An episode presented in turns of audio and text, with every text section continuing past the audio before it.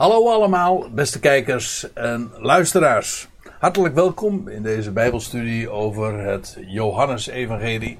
En u ziet het, het is inmiddels studie nummer 61. En we zijn inmiddels aangeland in het allerlaatste hoofdstuk van dit evangelie.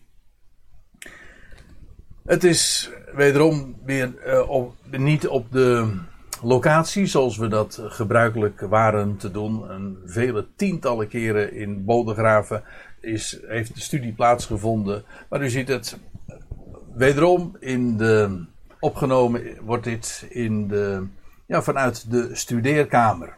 Het is niet anders. Het is wat uh, in zekere zin behelpen. Maar het ziet er niet naar uit dat dat uh, de komende tijd anders zal gaan worden.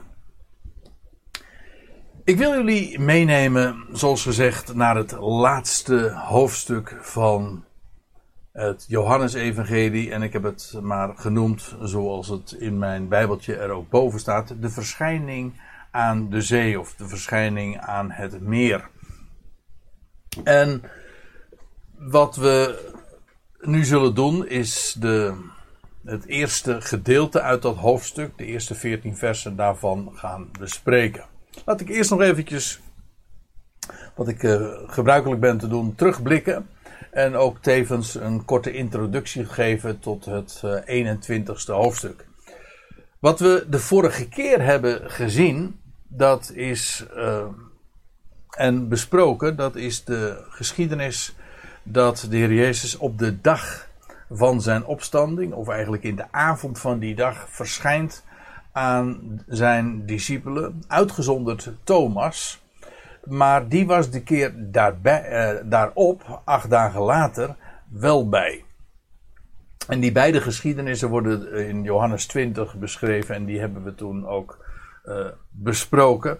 En ook stilgestaan bij niet alleen de letterlijke historische betekenis, maar vooral ook de typologische strekking van zulke verhalen, van zulke geschiedenissen, uh, voor het voetlicht gebracht. Want waar het over gaat is de verschijning, of waar het naar verwijst, is dat de Heer als de opgestane zal verschijnen aan het volk van Israël. Met name dan in die geschiedenis van Thomas zie je dat heel duidelijk ook uitgebeeld. Dat Thomas die komt tot geloof doordat hij ziet en eerst, in eerste instantie is hij ongelovig, maar doordat hij de Messias in levende lijven ziet en hem ook kan aan, aanraken, uh, zo komt hij tot erkenning van, uh, van Jezus. Wel nu, uh, dat is precies ook wat de, wat de Bijbel zegt, wat er gaat gebeuren met het volk van Israël. Ze is ongelovig, ja, maar totdat, totdat de Heer inderdaad bij gelegenheid aan het volk zal verschijnen. En dan zal het ongeloof plaatsmaken voor erkenning. En als die geschiedenis van de beide verschijningen uh, is verhaald in Johannes 20, dan volgt in feite het slot van het boek al. Uh, de laatste twee, drie versen van Johannes 20 uh, het staat er in mijn Bijbel ook boven. Uh, het is het slot, het eerste slot van het Johannesevangelie. Johannes sluit eigenlijk zijn boek hiermee af. Maar, en dat is het eigenaardige, die afsluiting, dat slot, dat wordt onderbroken en vervolgens voortgezet aan het einde van hoofdstuk 21. Dus ja, je zou kunnen zeggen het wordt twee keer afgesloten. Je zou ook kunnen zeggen het, de afsluiting wordt onderbroken. En wat daar dus tussen ligt, is de geschiedenis van de verschijning aan de zee of aan het meer. En dat is wat in Johannes 21 dan verhaald wordt. Maar dat heeft dus in feite het karakter van een, een parenthese, een, een tussenzin, een onderbreking, een, een interval, iets wat er tussen geschoven is. Iets wordt afgesloten, maar toch nog niet.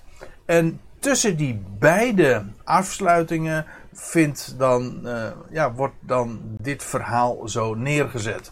Maar dat is niet alleen maar een literair fenomeen, stilistisch.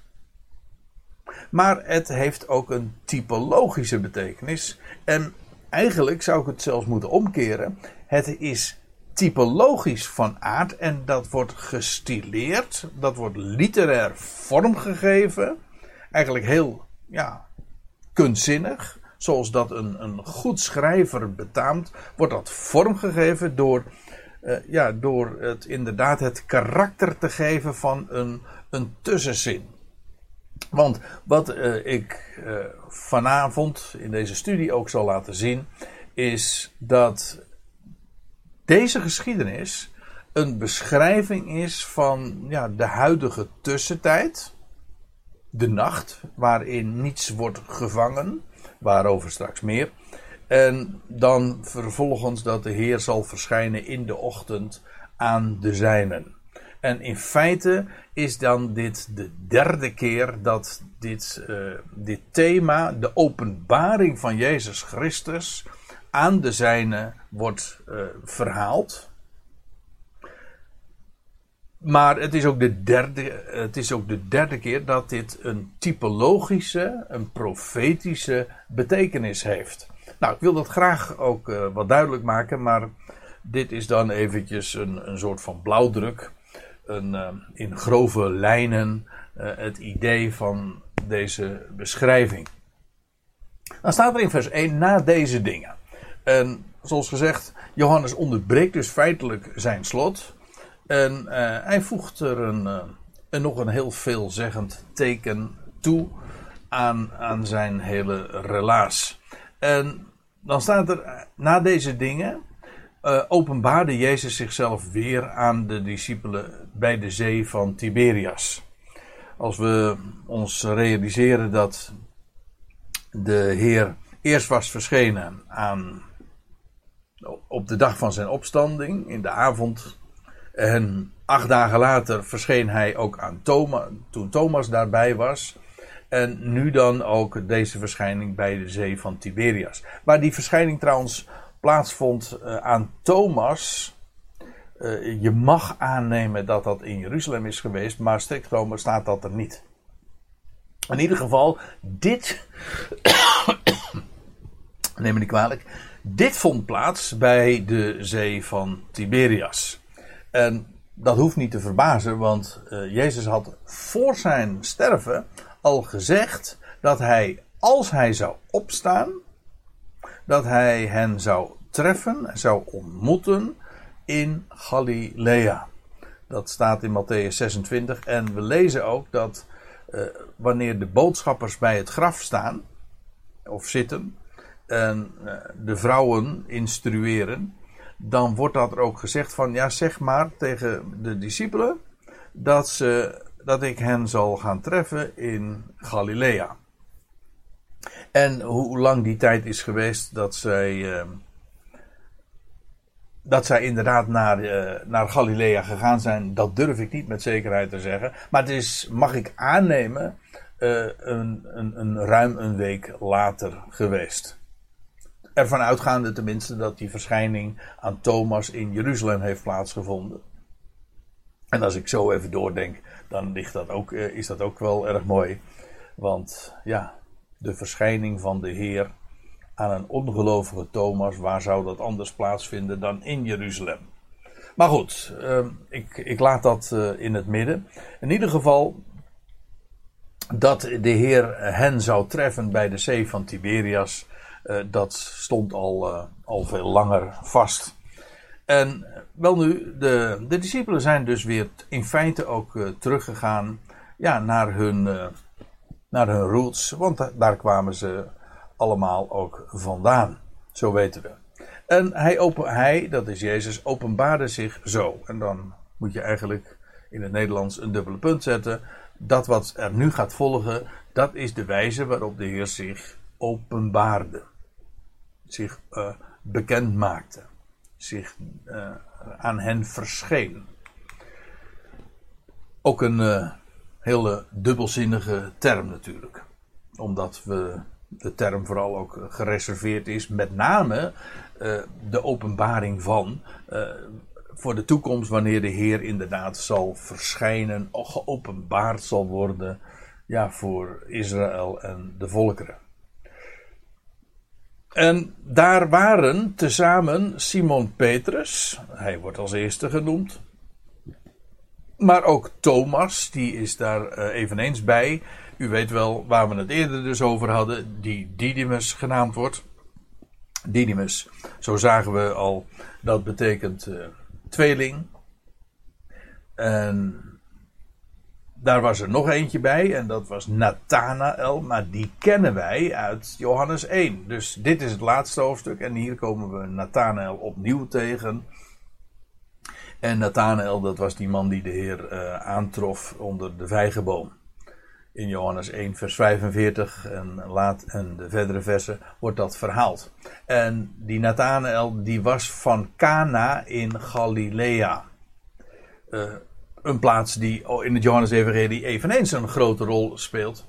Omdat uh, de plaats was ja, waar ooit op een derde dag een bruiloft was. En ja, als ik dat zo zeg, dan, uh, dan springt de, de profetische betekenis uh, van zo'n formulering alleen al uh, van het scherm. Het was de derde dag, er was een bruiloft en de Heer was daarbij. En wat dacht je wat? Daar vond inderdaad een geweldig wonder plaats. Een feestelijke dag. En daar waren ook nog de zonen van Zebedeus. Dat waren Johannes en Jacobus. En dat betekent dus ook dat de schrijver zelf, uh, de anonieme schrijver, want hij, uh, hij, uh, hij vermeldt zijn naam nergens. Hoewel hij dikwijls toch wel degelijk ook heenwijzingen geeft naar, naar zijn identiteit. Zodat we over wie hij was helemaal geen twijfel hoeven te hebben. Maar niettemin, zijn naam wordt niet genoemd. Johannes was hier dus zelf van de geschiedenis die hier verhaald wordt, zelf dus ooggetuige. Hij was daarbij. En er waren trouwens nog twee anderen, maar van uh, wie dat waren, dat weten we niet, want die namen worden niet vermeld. Dat betekent dus dat er in totaal, uh, dat ze in totaal met uh, zeven man waren, waren en verdeeld dus als vijf en twee. Een verdeling die trouwens ook nogal weer, uh, vaker voorkomt. Dus inderdaad ook al in dit evangelie waar we lezen over vijf broden en twee vissen.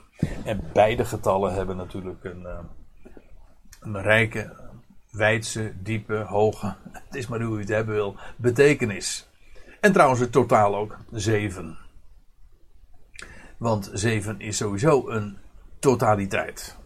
Iets wat uh, af is. Een rond getal in de Bijbel. En dan staat er Simon Petrus, die zei tot hen: Ik ga vissen. En hij is degene die uh, het initiatief, zoals gebruikelijk, in, de, in dat gezelschap uh, nam. En Petrus, zo weten wij, die was, maar dat is al aan het begin van, van, van zijn discipelschap geweest dat hij geroepen werd ja, als, als visser. Hij was, hij was samen met zijn broer en, en vader uh, hadden zij een vissersbedrijf. En uh, hij werd geroepen, Petrus werd geroepen en we lezen ook al een prachtige andere geschiedenis in Lucas 5. Uh, en toen vond er ook een wonderbare visvangst plaats. En bij die gelegenheid zegt de Heer ook tegen hem: Vanaf nu Petrus, zul jij een visser van mensen zijn en worden. Dat, is zijn dat zou zijn bediening zijn, een visser van mensen. En dan staat er. Uh, nee, ik moet er trouwens nog iets bij vermelden. Uh, dat is heel belangrijk, lijkt mij, om, ook voor het verstaan van de diepere zin van, van deze geschiedenis. Want het is natuurlijk geschiedenis, laat dat even duidelijk zijn. Maar het gaat ook uh, iedere keer weer om de, de diepere laag, de diepere betekenis, de typologie die daarin besloten ligt. Petrus staat sowieso model voor het evangelie van de besnijdenis. Dat verzin ik niet, dat staat letterlijk zo in Galaten 2, vers 7, eh, waar we lezen dat Petrus als representant van de twaalf, dat hij aan hem het evangelie van de besnijdenis was toevertrouwd. Zoals van Paulus het evangelie van de voorhuid van de natie. Petrus was geroepen om het evangelie van de besnijdenis van Israël te prediken. En dat is via Israël ook het koninkrijk zou baanbreken. Want dat is het evangelie van de besnijdenis. Het evangelie dat aan, aan de besnijdenis gepredikt werd.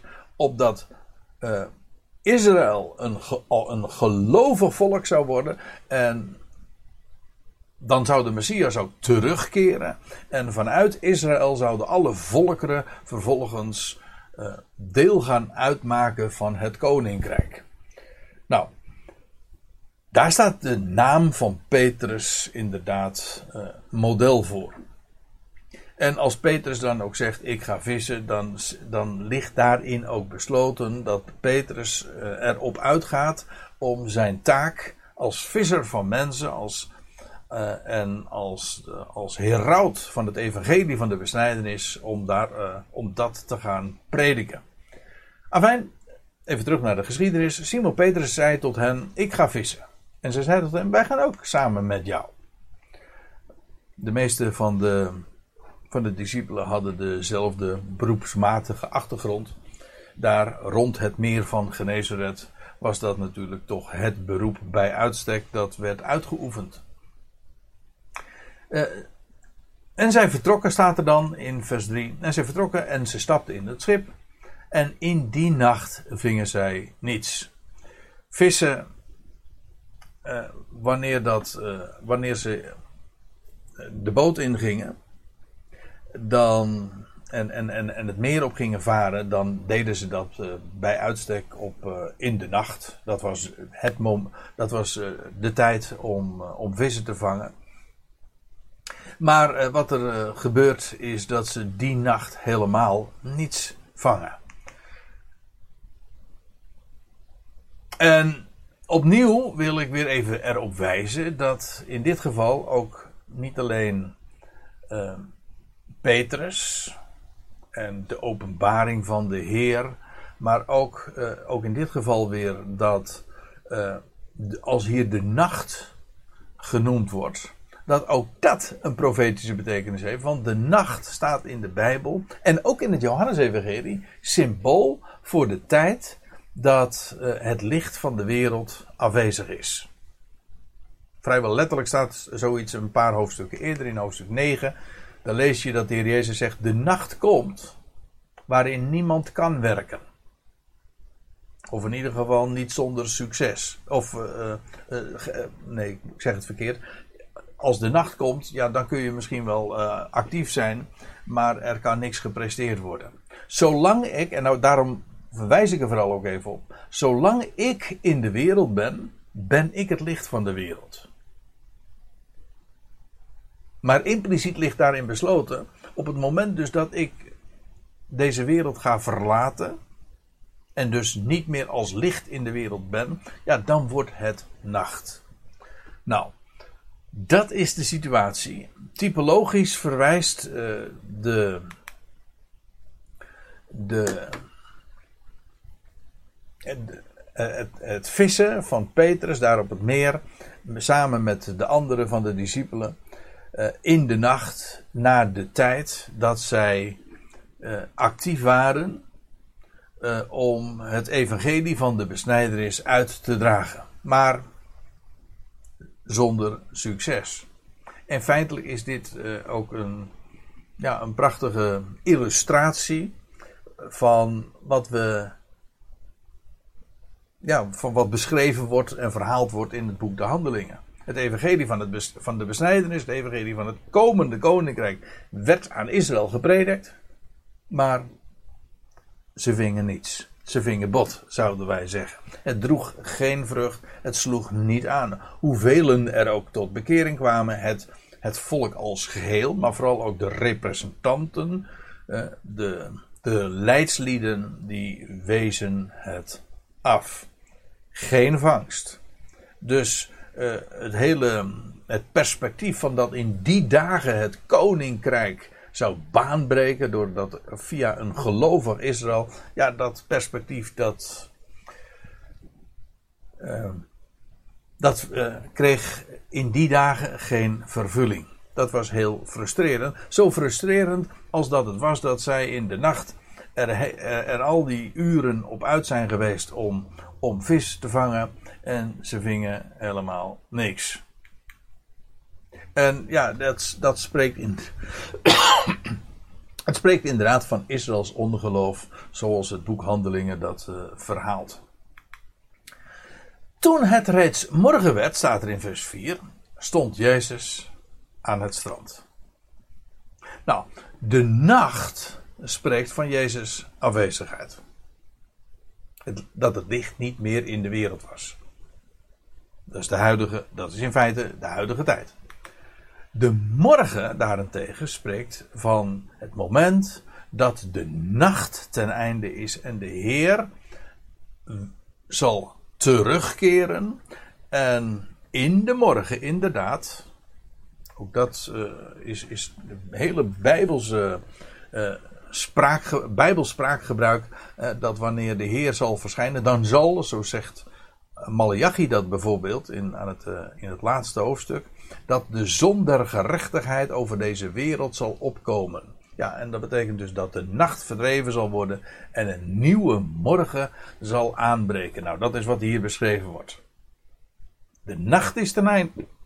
En wat er dan gebeurt, is dat Jezus inderdaad zal verschijnen. Hij stond daar aan het strand. Hij staat daar op, uh, ja, op het land. En hij kijkt daar dan uit over de zee. Ook weer een beeld van de volkeren trouwens. Maar dan staat er, maar de discipelen die wisten niet dat het Jezus was.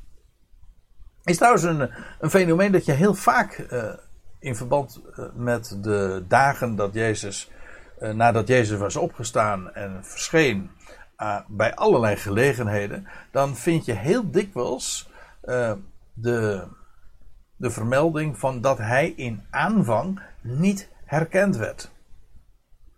En ja, dat heeft denk ik ook alles te maken met de aard van het opstandingslichaam. Dat, dat zich trouwens ook op verschillende wijzen kan manifesteren. Zo weten we ook. Maar het is, uh, er is continuïteit. Dat wil zeggen, Jezus werd wel herkend. Maar zijn lichaam was toch van een andere hoedanigheid. dus dat hij in aanvang niet herkend wordt, heeft wellicht ook daarmee te maken. Al moet ik er ook bij zeggen dat je ook leest dat uh, in Lucas 24 dat van die Emmausgangers bijvoorbeeld dat hun ogen bevangen werden zodat zij het niet zagen. Dus er speelde ook nog wel iets anders. Maar ik denk dat dit ook wel te maken heeft met de aard van het opstandingslichaam. Ja, het is, een, het is een, van een andere hoedanigheid. En uh, ja, profetisch gezien, want die lijn houd ik, hou ik in deze studie maar vast. Hij die straks openbaar gaat worden, ja, dat is dezelfde die in aanvang niet herkend werd. En ook trouwens niet erkend werd, maar dat. Dan grijp ik weer terug naar de geschiedenis van Thomas, die het ook niet wilde geloven. In dit geval, zij wisten niet dat het Jezus was. Er was geen herkenning. En dan staat er in vers 5: Jezus dan zei tot hen: Jongens, ja, zo zouden wij dat dan uh, in het Nederlands wellicht zeggen: Paidia. Ons woordje peda of pedo, pedagogie. Dat is. Uh, dat heeft alles te maken met, met kinderen en kleine kinderen. En Jezus spreekt hen dan vanaf de oever aan en zegt: Jongens, hebben jullie niet enig bijgerecht? En dat wordt bijgerecht. In de MBG-vertaling staat dan toespijs. Wat een vrij letterlijke weergave is van het uh, Griekse woord ook. En, en, dat betekent iets om bij het, het brood te eten. Je eet maar niet zomaar kaal brood, maar je dipt dat ergens in of je, je eet er iets bij als beleg of samen met het brood. En dat was dan vooral, eh, ik mag aannemen, daarin genezen in elk geval, daar in, de, in de, die contraien rond het meer, dat was vooral dan ook vis. En zij, vandaar ook dat Jezus vraagt: uh, Hebben jullie niet enig bijgerecht? En zij antwoordden hem: Nee. Daar konden ze heel kort op antwoorden, want ze hadden de hele nacht niks gevangen. En dat was uh, voor zulke geoefende professionele, uh, professionele vissers natuurlijk knap frustrerend om, om dat dan te moeten vaststellen. Als je met zeven man een hele nacht aan het vissen bent en je hebt helemaal niks gevangen dan, uh, ja, dan eh, is dat korte antwoord. En zo kort af antwoorden ook niet zo gek. Hij nu zei tot hen: Werp het net aan de rechterzijde van het schip en jullie zullen vinden. Er is trouwens in het Nederlands ook een een, min of meer een uitdrukking ook geworden. Als je iets uh, op een heel andere manier moet gaan aanpakken, dan zeggen we van nou, we moeten het net eens een keer aan de andere kant van het schip uitwerpen. Uh, dat wil zeggen, je hebt het altijd uh, ge gedaan op manier sus. En je zou het dus een keertje op een heel andere wijze moeten gaan aanpakken. het net aan de andere kant uitwerpen. Wel, dat staat hier ook. werp het net, dat is wat Jezus zegt iemand, ja, wie het is, weten ze helemaal niet. Maar die zegt dat dan: werp het net aan de rechterzijde van het schip. Als je een, uh, dat vond ik heel vreemd, maar ik kwam het tegen in de NBV, dat is de, de, de, de nieuwe Bijbelvertaling van het Nederlands Bijbelgenootschap. En die geeft het zo weer met. Gooi het net aan stuurboord uit. En dat zal. Uh, in vaartechnische termen ongetwijfeld correct zijn. Uh, maar ik, ik, blijf het toch gek vinden, want uh, degenen die niet echt op de hoogte zijn van dat soort, van dat soort scheepstaal, is dit helemaal niet zo begrijpelijk. En het is bovendien ook onnodig, want er staat letterlijk gewoon het woordje rechts in het Grieks. Hè? Aan de, aan de rechterzijde van, uh, of de rechterdelen van het schip. Het gaat om rechts inderdaad. En ja, dan moet je ook een beetje feeling hebben met de, de hele bijbelse gedachtegang, de bijbelse symboliek van links en rechts. Uh, links heeft in de Bijbel trouwens niet alleen in de Bijbel, maar in het algemeen de betekenis uh, gekregen van, van achterstelling. Uh, en ook van verlatenheid. Hè.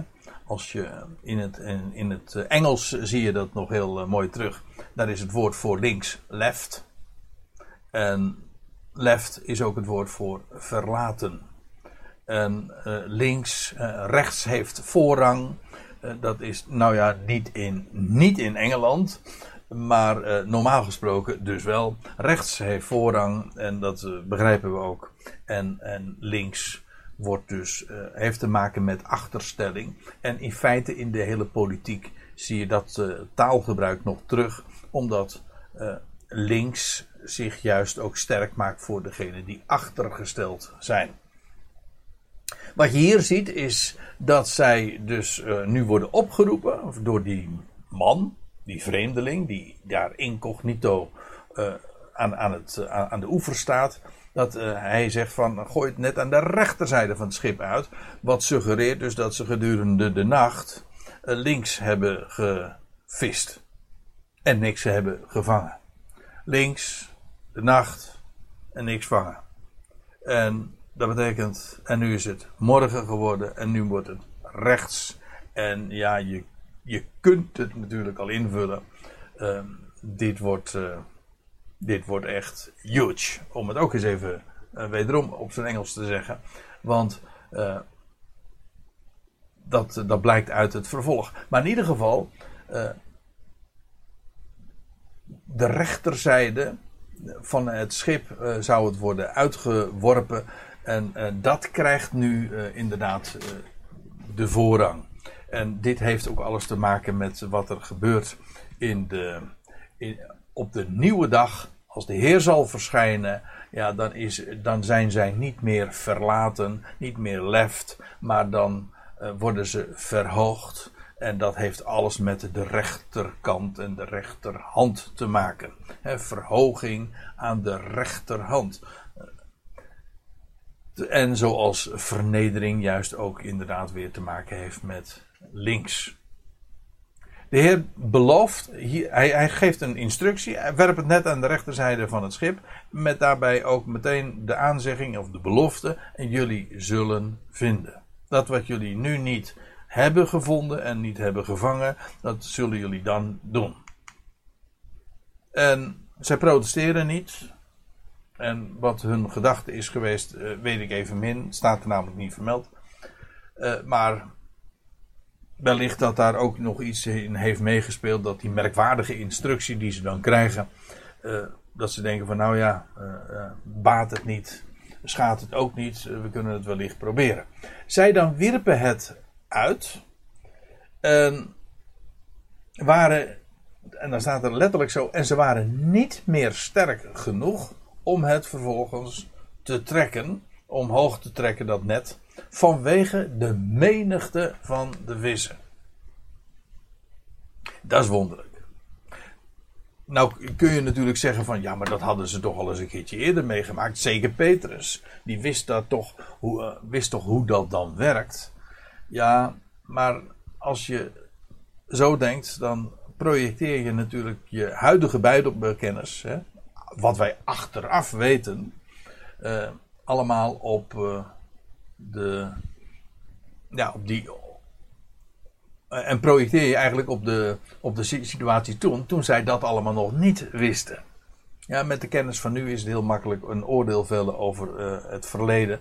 Maar je moet je voorstellen, ja, heel concreet dat zij daar die nacht hebben gevangen, eh, ge, ge, gevist, niks hebben gevangen en dan deze instructie krijgen. En hoe wonderlijk moet dat voor hen geweest zijn dat ze die instructie krijgen en dat ze dan inderdaad het net rechts uitwerpen en dan ze kunnen het niet eens meer omhoog trekken vanwege de menigte van de vissen. Nu even de profetische betekenis. Want ja, de lijn kun je gewoon zo doortrekken.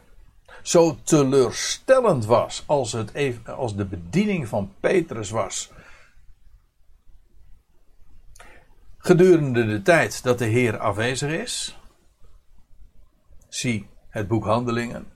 En hoe het evangelie van, het van de besnijdenis, het evangelie van het koninkrijk dat aan Israël gepredikt werd, totaal geen succes had. Of in ieder geval niet de, de uitwerking had dat het volk daadwerkelijk tot bekering kwam. Het was nacht het, en ze vingen niks. Zo succesvol zal het weer worden. Of zal het worden wanneer de Heer op de morgen zal verschijnen op het land. Als de nacht voorbij is, dag aanbreekt, de Heer zal op het land staan en hij zal aan hen verschijnen. En dan, ja, dan zal het een, een, een geweldige menigte van vissen zijn. Eh, lees een menigte van mensen die zullen worden binnengehaald.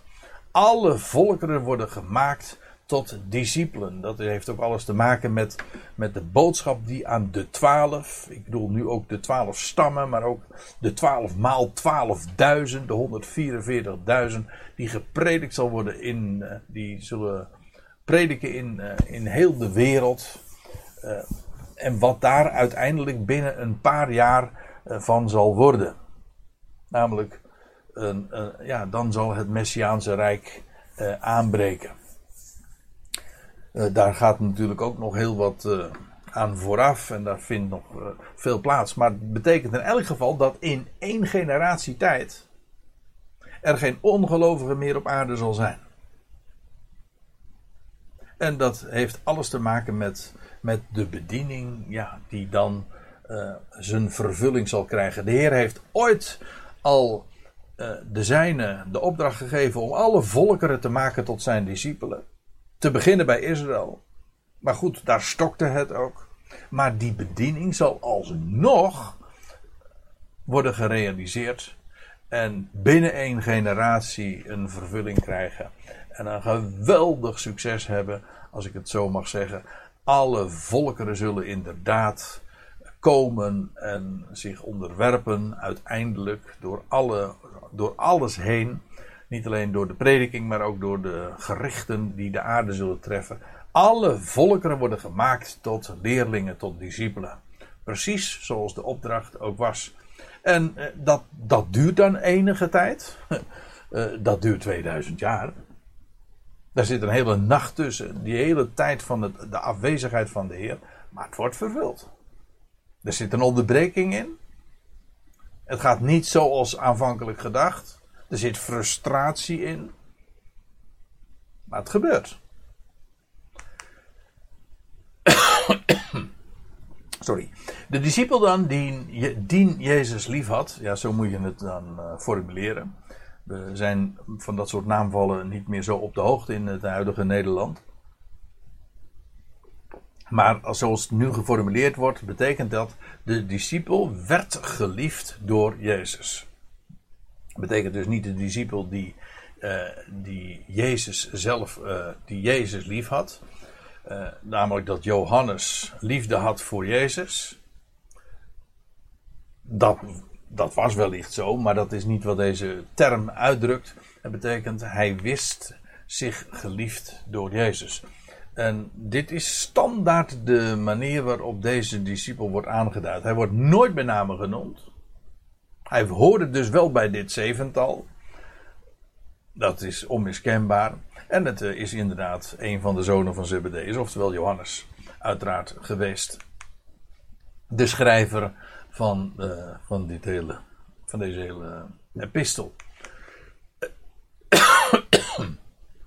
De discipel dan die Jezus lief had, die zei tot Petrus. Johannes en Petrus die hadden een speciale connectie ook met elkaar. Zoals je later in het boek Handelingen ook dat weer ziet.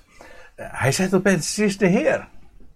De opgestane. Hij, zoals Petrus trouwens later, zelf op de dag van de opstand, van de, van, van Pinksteren, zegt in Handelingen 2 van, God heeft hem gemaakt tot Heer en tot Christus. Ja, en dat is inderdaad in zijn opstanding officieel het geval geweest. Hij is opgewekt, gezalfd met Gods geest.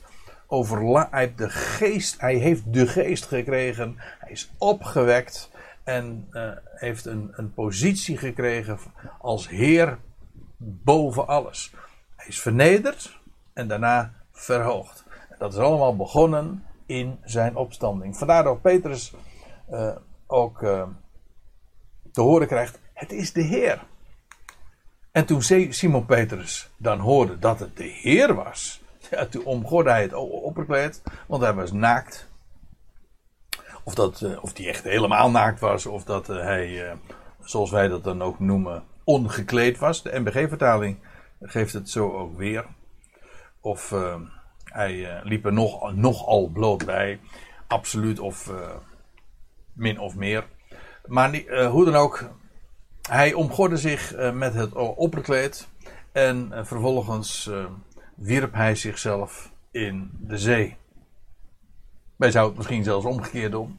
Dat als je de zee inspringt, dat je juist iets afdoet. Maar hij deed zijn kleed aan, juist om, om gekleed dan daar aan de oever te komen. Hij wierp zichzelf in zee. Dit is trouwens ook wel opmerkelijk, een opmerkelijke parallel met, uh, met wat we lezen in Matthäus 14, waar, we, waar verhaald wordt van de, de storm op het meer. En dan lees je ook dat de Heer uh, voorbij uh, gaat. En dan is het, dan is het Petrus die ook het verzoek doet om naar Jezus toe te gaan. En inderdaad, hij verlaat het schip en hij wandelt naar Jezus toe. En ook hier is dat dus weer het geval. Hij laat de, hij laat de collega-discipelen achter en hij stapt uit het schip, eh, net als ooit eerder. En ook hier uh, gaat hij naar de oever. En ik zie uh, in Petrus hierin ook een type van het overblijfsel dat in Petra, let op, Petra, die stad in de woestijn waar, waar het volk van Israël in de grote verdrukking bewaard zal worden en daar ook al een ontmoeting met de Heer zal hebben. Eerder. Ja, dat is een uh, onderwerp apart. Ik ga dat nu verder niet uh, uitwerken. Maar het is eigenaardig dat Petrus inderdaad in, ter onderscheiding van de overigen. Al als eerste zich richt tot en gaat naar de Heer toe. Zoals dat in de, in de toekomst ook weer zal zijn. Dat er een volk is dat verband houdt met Petra, Petrus. En daar inderdaad, uh, voordat de, de rest van Israël de Heer zal treffen, heeft hij, uh, hebben zij daar al een ontmoeting met de Heer. En worden daar op een bijzondere wijze door hem ook uh, voorzien. Nou ja, ik geef het maar als, als, als overweging mee. En ik de, de lijnen die kunnen je toch moeilijk ontgaan, lijkt me. Maar de andere discipelen, die kwamen met het scheepje. Dus het was alleen Petrus die het schip dus uitsprong. Maar de andere discipelen die bleven in het scheepje. Uh, want staat er, ze waren niet ver weg van het land, maar ongeveer 200 L. Dus pakweg 100 meter. Dat is niet al te veel. Maar ja, ze hadden wel een heel net nog dat vol was en dat ze niet eens aan boord kregen. Dat moesten ze wel meeslepen. Dat wel. Maar het was 200 L dat zij van de Heer verwijderd waren. Ja, en ook hier kun je natuurlijk zeggen van, nou ja, dat wordt vermeld puur vanwege de, ja, omdat het, uh, dat dat de, historisch gezien de, de afstand was die, die ze moesten overbruggen. Ja, maar ook hier denk ik weer, uh, hier zit weer een profetische strekking in, omdat het verwijst naar de afstand tussen de eerste en de tweede komst. Afstand in de ruimtelijke zin, in de tijdelijke zin. Dat wil zeggen, zij zijn uh, een bepaalde. Er is een afstand tussen hen en de Heer. En dat wordt uh, benoemd als 200 ellen. En het getal 2, in dit verband, zie je iedere keer weer terugkomen. Het is 2000 L in Jozua 3. He, er moest een, de ark ging door de Jordaan en Israël moest volgen, maar op een afstand van ongeveer 2000 L.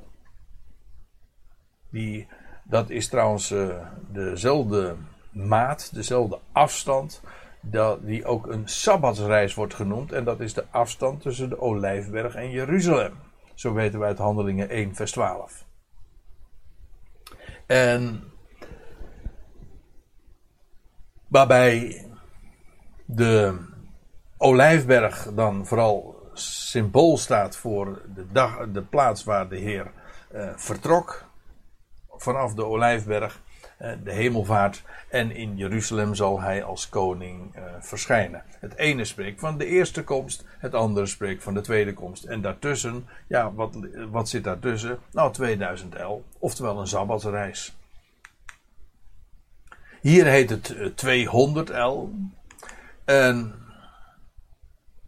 het wordt ook 20 jaar genoemd. Ja, het voert te ver om dat nu allemaal uit te werken, maar ik, uh, ik wil er wel eventjes op wijzen dat uh, die 20 jaar dan genoemd wordt. Jacob, die vlucht naar het buitenland en dan bij zijn oom Laban 20 jaar verblijft. En na die 20 jaar keert Jacob weer terug naar het land. En ik hoop dat u begrijpt dat ook dat een profetische betekenis heeft.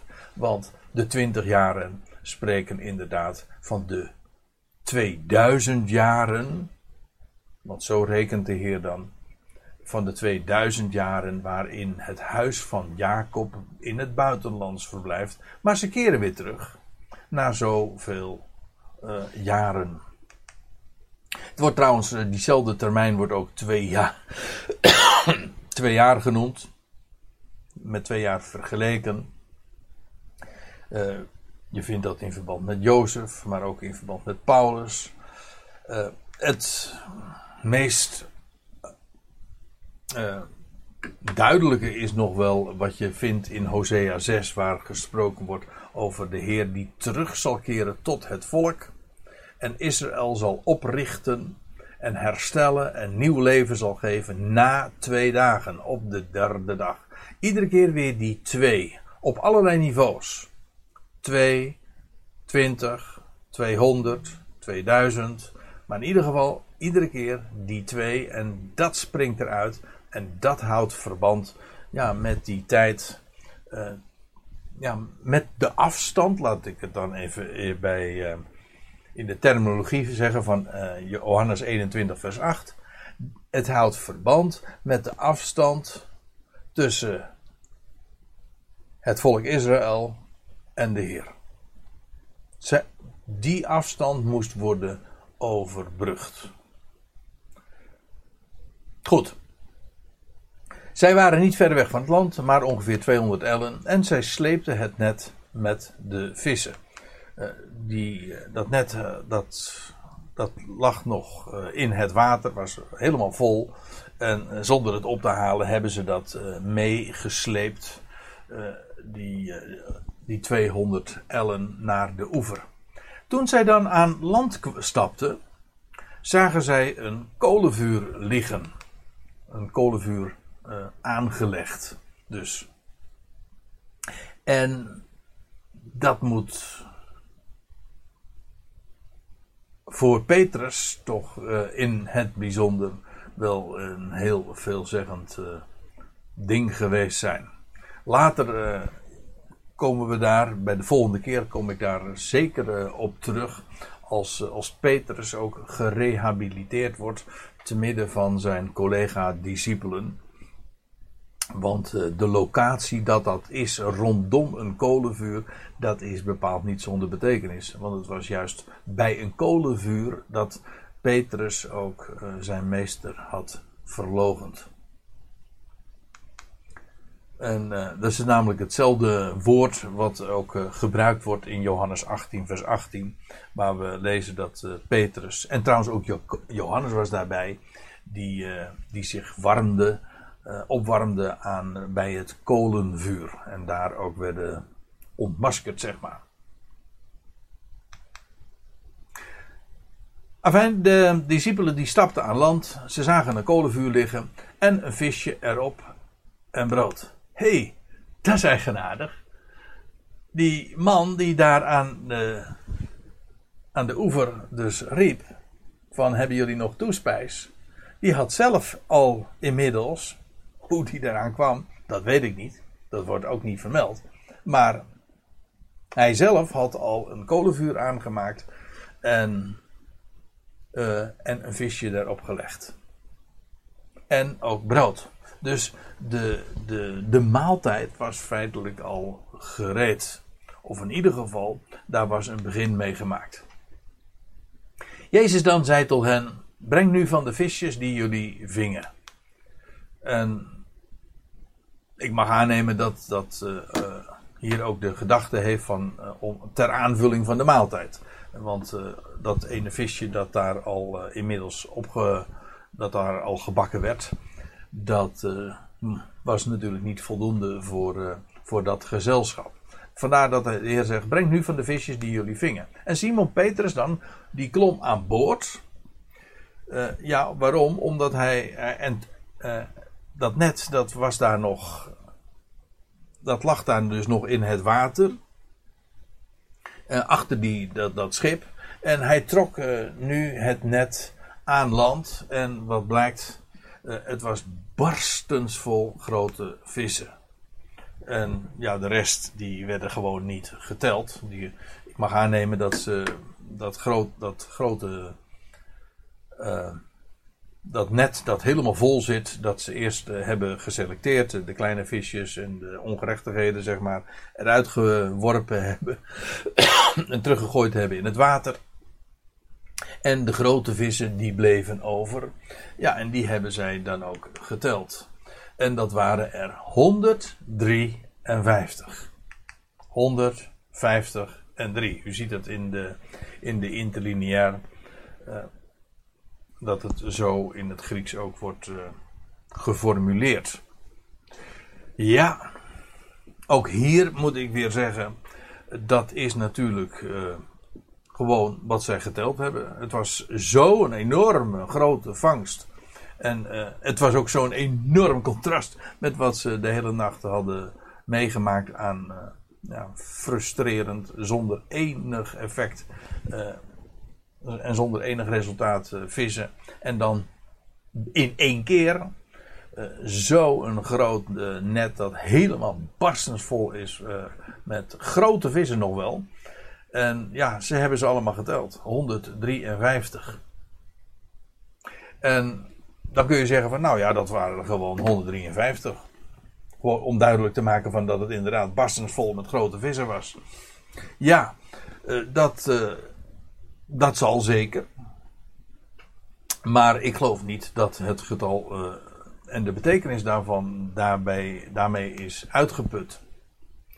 En, maar ik moet er uh, ook bij zeggen dat er nogal wat uh, suggesties zijn gedaan in de loop der tijd uh, naar de betekenis van dat getal.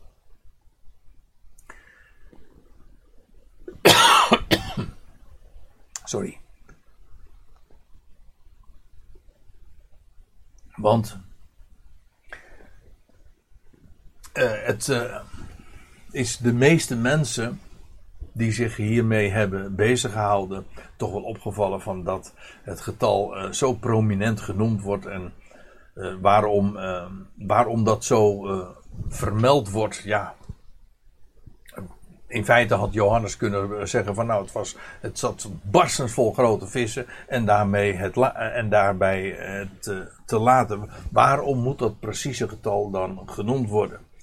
Er is op gewezen, en dat vind ik een hele aardige suggestie, dat het uh, wijst op het aantal dagen tussen Pesach.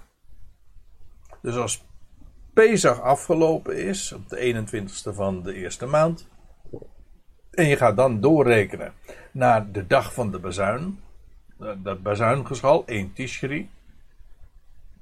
Oftewel, uh, de hoogtijden van de eerste maand hebben allemaal te maken met de, met de eerste komst van Christus. Zoals de hoogtijden in de zevende maand alles te maken hebben met de, met de wederkomst van Christus. Als de bazuin zal klinken en de grote verzoendag, de Yom Kippur zal aanbreken. En er ook een loofhuttenfeest wereldwijd ook uh, zal worden gevierd. Afijn. Um, het ene heeft dus te maken, de eerste maand heeft te maken met de eerste komst. De, de zevende maand heeft te maken met de tweede komst, de wederkomst. En wat daartussen ligt, daar, dat is, uh, dat kun je niet helemaal met precisie vastleggen. Maar dat is ongeveer 153 dagen. Dat zou een, uh, een hele zinvolle suggestie zijn naar de betekenis. Er is ook al van ouds op gewezen op de merkwaardige wiskundige uh, karakteristieken van het getal uh, eh, 153, want men heeft erop gewezen uh, dat het het driehoeksgetal is van 17. Wat trouwens ook weer verschillende betekenissen heeft, want ja, dat is 10 en 7. En beide zijn natuurlijk ook zowel 10 als 7 bijbelse markante getallen. Maar ik moet er ook nog op, wijzen, op wijzen dat de dag van de opstand, de datum van de opstanding, dat was de 17e Aviv of de 17e Nisan. Dus het getal 17 verwijst ons naar uh, de opstanding. Maar uh, als uh, driehoeksgetal. Het is ook een driehoeksgetal van van 153. En dat betekent dus dat als je 1 plus 2 plus 3 plus 4 plus 5 plus 6 nou, enzovoort tot 17 aan toe bij elkaar optelt, dan kom je bij 153 uit. Wat een driehoeksgetal, waarom het zo heet, dat komt. Uh, dat heeft hiermee te maken met wat u hier ziet op het plaatje. Als je dus bovenaan begint en, uh, met een 1, en dan in de tweede rij 2 en 3. En dan in de derde rij 4, 5, 6. En dan in de vierde rij 7, 8, 9 en 10. Enzovoort, enzovoort. En dan kom je uit, uiteindelijk, zoals u ziet, bij 153. En dan zie je dus twee, zowel in de hoogte als in de breedte, zijn er 17 getallen. Vandaar ook een, een driehoeksgetal. Nou, daar zit voor de wiskundige onder ons, is daar ongetwijfeld veel meer over te vermelden. Maar dan wilde ik het uh, maar bij laten.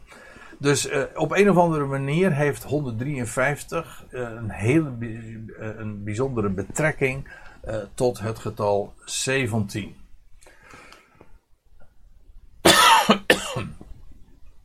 Zodat het verwijst naar opstanding, het verwijst ook inderdaad ook weer naar de, de termijn tussen de eerste en de tweede komst van Christus. Zoals getal zoals die afstand van 200 ellen daar ook mee verband houden. En de hele nacht er ook mee verband houdt. Van de nacht tot aan de morgen aan toe. Afijn, uh, je ziet uh, allerlei details in deze geschiedenis wijzen allemaal in, uh, in, een, in eenzelfde richting. En in die richting wijst ook uh, dit getal 153. En dan staat er in vers 11 nog bij: En hoewel het er zoveel waren, zoveel waren, scheurde het net niet.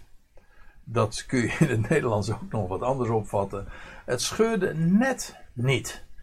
Uh, maar, of bijna niet. Maar dat is niet de gedachte. Het, het net, namelijk het visnet, dat scheurde niet ondanks het, uh, enorme, uh, de enorme menigte grote vissen die daarin gevangen waren.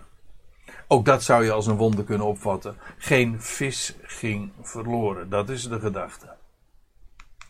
Jezus dan zei tot hen: Kom, houd maaltijd met mij.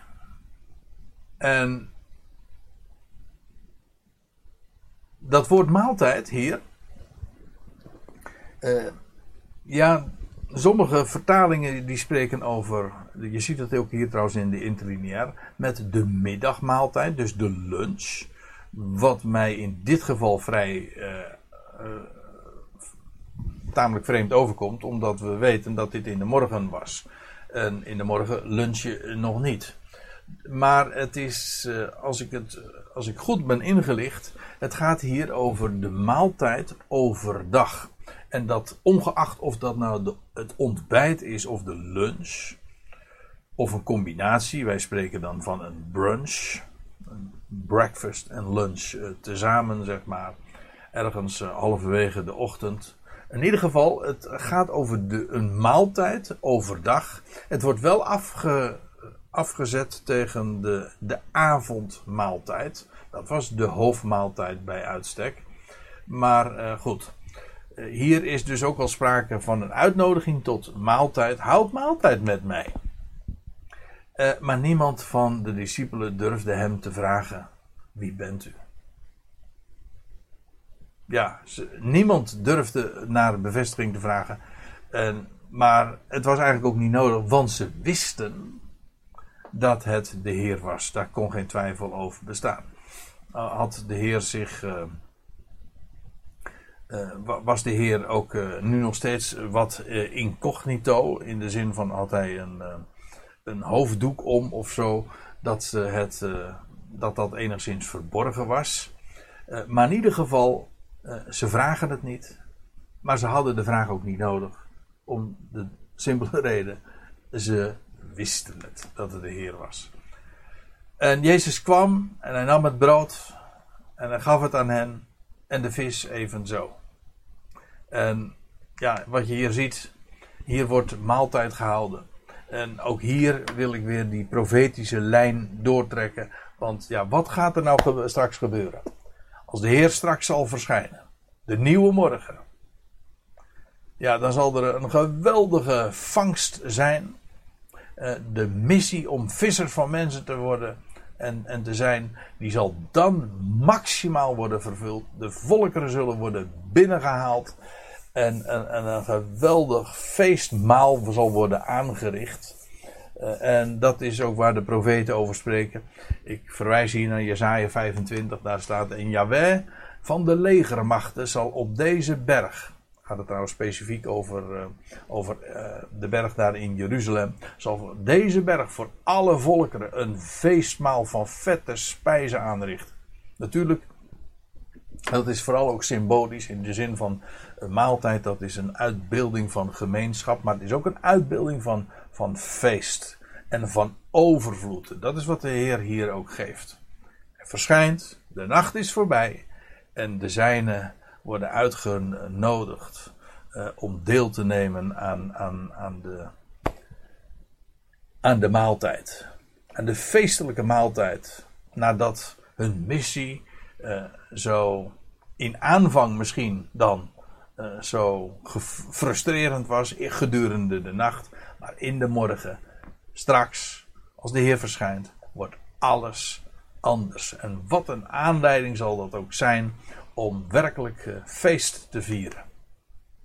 En dan staat er, en zo, dat is uh, waar deze geschiedenis dan mee afsluit. Dit was reeds een derde maal dat Jezus geopenbaard werd. En ik wees er al op, en ik doe dat nu opnieuw. Uh, dat deze dubbelzinnige formulering, Jezus werd geopenbaard. De derde keer. Eerst voor de zijne in de avond van zijn opstanding. Die dag dus. Acht dagen later, toen Thomas daar ook bij was. En nu bij deze gelegenheid. Jezus werd aan hen geopenbaard. En het spreekt één, twee, drie keren van uh, de, de verschijning, de openbaring van Jezus Christus in de toekomst. Uh, daar in het land, daar bij de zee, inderdaad, bij de volkerenwereld. En, en daar spreekt het profetisch van. De levende Heer, hij gaat zijn, zijn plannen uitwerken. En uh, dat wat in aanvang zo frustrerend was. Ik wil daar, ja, misschien mag ik daar dan mee afsluiten. Voor vele christenen is de, als ze het hebben over de grote opdracht, uh, is dat ploegen op rotsen. Men denkt van ja, alle volkeren maken tot zijn discipelen. Dat is wat de, wat de Heer ooit gezegd heeft. En, en het lukt allemaal maar niet. Maar het hele verhaal is deze. Het is nacht. En nu wordt er ook niet gevangen. Wanneer vindt die geweldige vangst wel plaats? Wel op Gods tijd, in de morgen, als de nacht voorbij is en de Heer zal verschijnen. Dan wordt alles anders. En dat betekent dat, we ook, dat er ook helemaal geen reden is om vandaag uh, teleurgesteld of gefrustreerd te zijn dat de volkeren niet gemaakt worden tot zijn discipelen. Na 2000 jaar is er nog steeds niet één volk gemaakt tot zijn discipelen. Nog niet één volk. Wat gaat er mis? Nou, God is ook vandaag niet bezig om de volkeren te maken tot zijn discipelen. Hij roept nu uit de volkeren, uit de natie, een volk voor zijn naam. Dat is in het verborgene. Dat is niet groots. Staat niet in de kranten. Is niet iets wat uh, de publiciteit haalt. Dat is ook helemaal niet de bedoeling. Het is verborgen. En straks, als de Heer geopenbaard wordt, ja, dan wordt het anders. En dan zal het ook aan publiek uh, en, en openlijk uh, blijken dat de Heer zijn woord gaat vervullen. En die opdracht alsnog met succes zal worden vervuld. Dit was reeds een derde maal dat Jezus geopenbaard werd aan zijn discipelen na zijn opwekking uit de doden. Nou, er volgde nog een geschiedenis die hier pal op volgt. Staat er min of meer los van. Maar vindt daar ook plaats bij dezezelfde gelegenheid, bij dezezelfde maaltijd. En daarover gaan we het de volgende keer hebben. Maar ik wilde het uh, hier uh, voor dit keer uh, graag bij laten. En ik wil jullie heel hartelijk danken voor jullie, voor jullie aandacht. En ik hoop dat jullie er weer wat van hebben opgestoken. Ik vond het heerlijk om deze dingen met jullie te mogen delen. Ik zou zeggen, al het goede, God zegen en tot ziens.